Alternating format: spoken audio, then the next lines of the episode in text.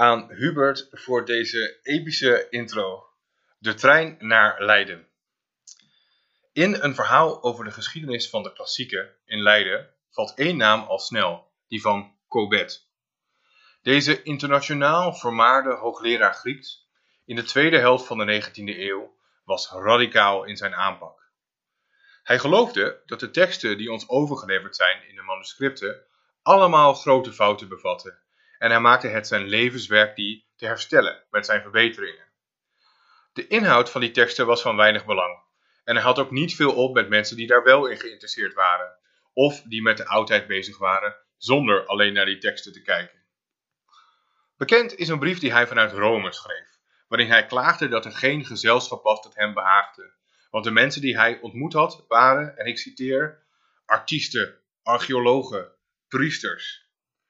De archeologen vond hij waarschijnlijk nog het ergst, want die wetenschap noemde hij een doofpot voor het gezond verstand en alle grondige taalkennis. Corbett zou school maken en op een gegeven moment waren bijna alle hoogleraren klassieken in het land leerlingen van hem. Ook zij hielden zich voornamelijk met tekstkritiek bezig en niet zozeer met wat er in die teksten nou eigenlijk zelf stond. Maar daarover later meer.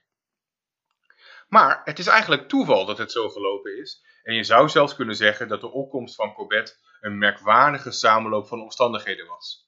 En we zullen zien dat mensen ook in Cobbetts eigen tijd hun twijfels hadden over de Leidse methode. Belangrijke invloed op Cobbett waren twee leermeesters van hem toen hij zelf in Leiden studeerde. Peelkamp en Baken. Peelkamp publiceerde een editie van Horatius, nog steeds berucht, en later van Virgilius, waarin hij beweerde dat grote delen niet van hen, maar van imitatoren waren. En Baken kwam tot hetzelfde idee met de Catilinarische redenvoeringen van Cicero. Je snapt zo dus wel hoe Cobbett tot zijn kritische houding ten opzichte van de manuscripttraditie komt. Maar deze Peelkamp en Baken die waren geen exponenten van hun tijd. Want aan het begin van de 19e eeuw zijn de grote namen in Nederland die van de Zwitser Wijtenbach, eerst hoogleraar in Amsterdam en dan in Leiden. En in Oegstreek staat er nog een zeil te zijner nagedachtenis. En die van zijn iets jongere uh, leerling uh, Van Heusden uit Utrecht. Um, van Heusden was eigenlijk meer filosoof dan, en theoloog dan klassicus. En Wijtenbach had ook een veel bredere belangstelling.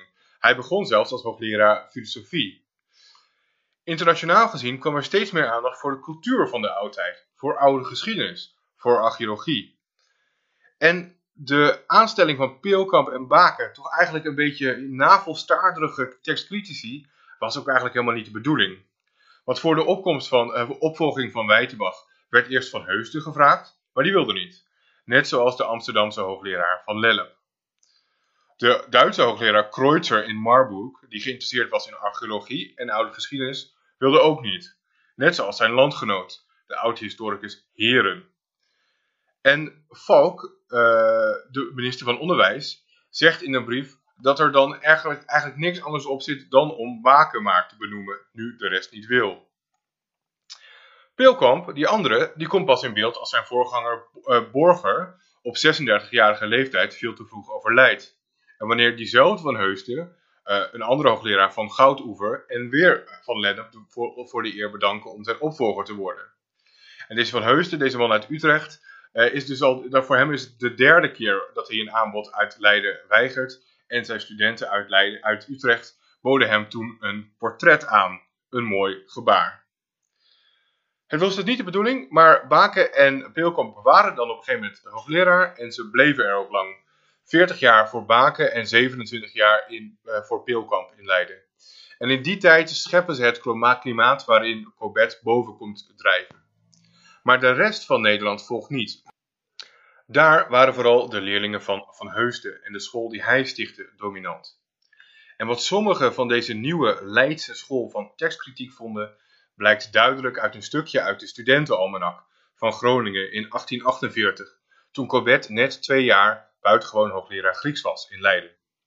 Het bevat een stuk met de titel Philologie en bestaat uit een gesprek tussen zekere Mathanasius en Swebelius in Groningen.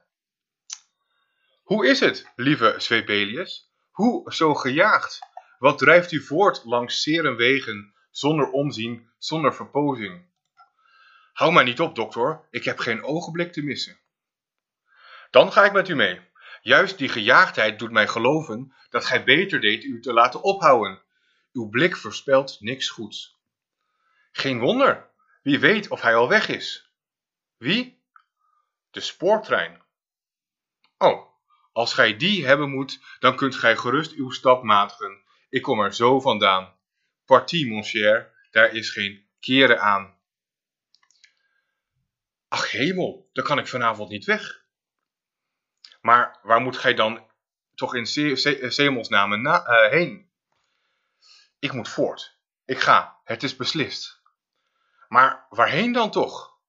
Wel, overal heen. Eerst naar Leiden, dan naar Parijs, naar Wenen, naar Turijn, naar het Vaticaan. Grote plannen. Maar wat moet gij op al deze plekken uitvoeren?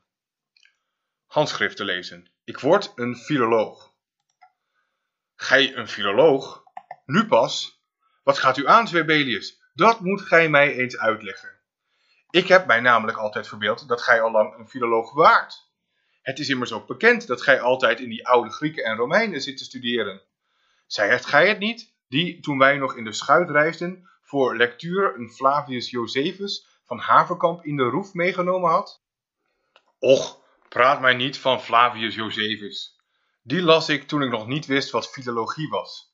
Daar staan veel te veel zaken in. In die tijd ja, toen ik nog meende dat het van enig belang was om te weten hoe de Romeinen steden belegerden en innamen.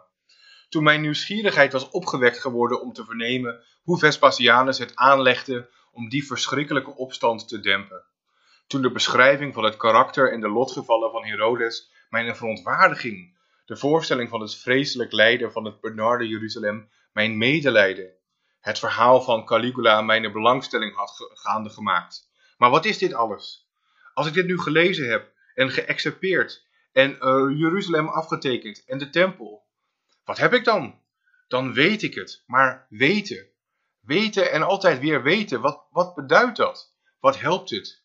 Cui bono in één woord. Mijn waarde Zwebelius, vergun mij u te zeggen, als wij niet aan ons eerste glas waren.